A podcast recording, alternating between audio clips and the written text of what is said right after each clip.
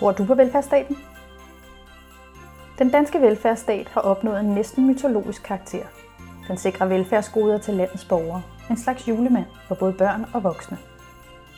I denne podcast julekalender vil vi forsøge at identificere den danske velfærdsstat. Findes den? Og i så fald, hvordan ser den ud? Og hvem har fortjent dens gode gaver? Drengehjemmet Godhavn var et drengehjem i Tisvildeleje for unge, der af forskellige årsager ikke kunne blive deres eget hjem. Under deres ophold på hjemmet blev børnene udsat for en række overgreb, herunder systematiske tæsk, lusinger, seksuelle overgreb og medicinske forsøg. I knap 15 år har flere af de mænd, som var drenge på Godhavn, kæmpet for at få en undskyldning fra staten. Og den fik de i år fra statsminister Mette Frederiksen. I dag taler vi med formand for Landsforeningen Godhavndrengene, Paul Erik Rasmussen, om hvorvidt han stadig tror på den danske velfærdsstat. Velkommen til, Paul Erik. Tak for det. Tror du stadig på den danske velfærdsstat? Uh, jeg vil hellere sige, at nu tror jeg på den. Fordi uh, jeg har ikke troet på den i lang tid med en venstre regering. Og det skal jeg lige forklare. Det er fordi, jeg har i alle de år mødt øh, rigtig mange politikere, talt med rigtig mange politikere. Og jeg har aldrig følt, øh, at der er nogen i den blå blok, der har taget mig alvorligt. Så jeg vil sige nu, hvor det er blevet en, en rød regering, vi har, øh, så tror jeg på, at vores fremtid kan blive sikker inden for velfærd. Og i år har I så fået en undskyldning fra statsministeren. Hvorfor var det så vigtigt for jer at få den her undskyldning? Jamen det var jo, det vigtige det var jo at få den skyld væk. Fordi øh, rigtig mange, der var anpagt på det tidspunkt, også før og sikkert også efter, går jo stadigvæk med den skyld, at det var deres eje. Det var dem selv, der var noget galt med. Og man er heller ikke skyld i, at man får en forkert opvækst. Man er heller ikke skyld i, at man bliver mishandlet uden grund. Den skyld, den tror jeg, at statsministeren fik fjernet på Marienborg. Det har jeg i hvert fald, det har jeg i hvert fald følt og fået masser af beviser på, at folk, der fortæller mig, at den har betydet rigtig meget at få den skyld væk.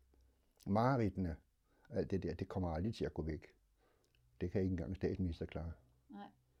Så selvom der stadig er sorg, så skyldfølelsen forsvandt eller blev fjernet fra jer som følge af undskyldningen, at det blev staten, der tog ansvaret for de overgreb, vi blev udsat for? Ja, det var primært. Det tror jeg virkelig, det lykkedes. Og ser du, at der er nogle udfordringer i dag i forhold til at sikre børn, der øh, skal passes på af det offentlige, hvor forældrene ikke slår til? Problemet i dag, det er bare, at man gør det helt hen over hovedet på børnene. Øh, men man er ikke nået længere, end, end da jeg var på børnehjem, øh, hvor man tager alle beslutninger for børnene, uden at forklare dem, hvorfor. Altså børn skal med på råd, uanset hvor små de er. Og så kan man så tage det, som man vil bagefter. Og det ved jeg, at det er også noget af det arbejde, du er beskæftiget med i dag, det er at sikre, at børn får en stemme eller bliver hørt i deres egen sag.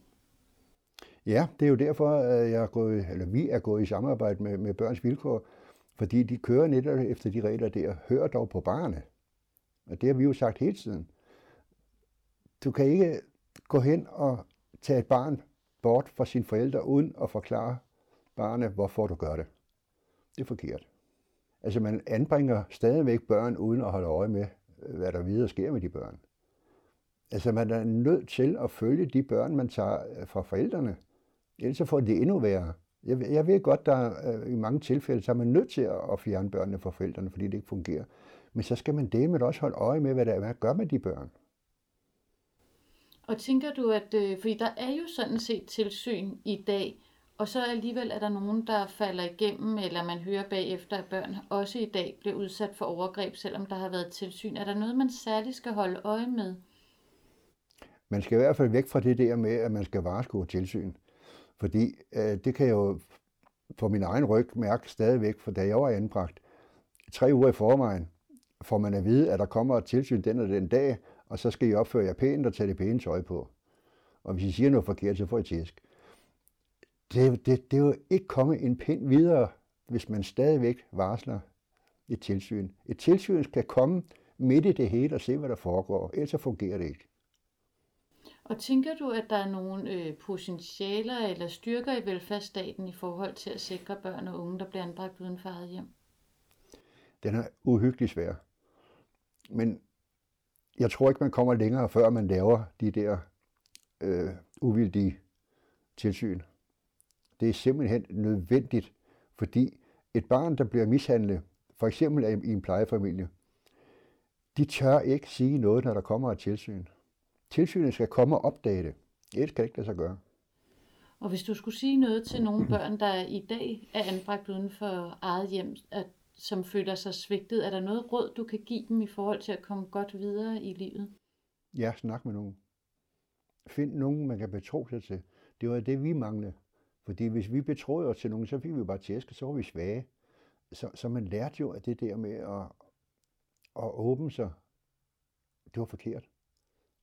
Men lad, lad være med at gå og gemme på det. Der er altid en eller anden, det kan være en onkel eller en tante, eller købmanden, eller hvem fanden det er. Der er altid en eller anden, man kan betro sig til og få noget hjælp af.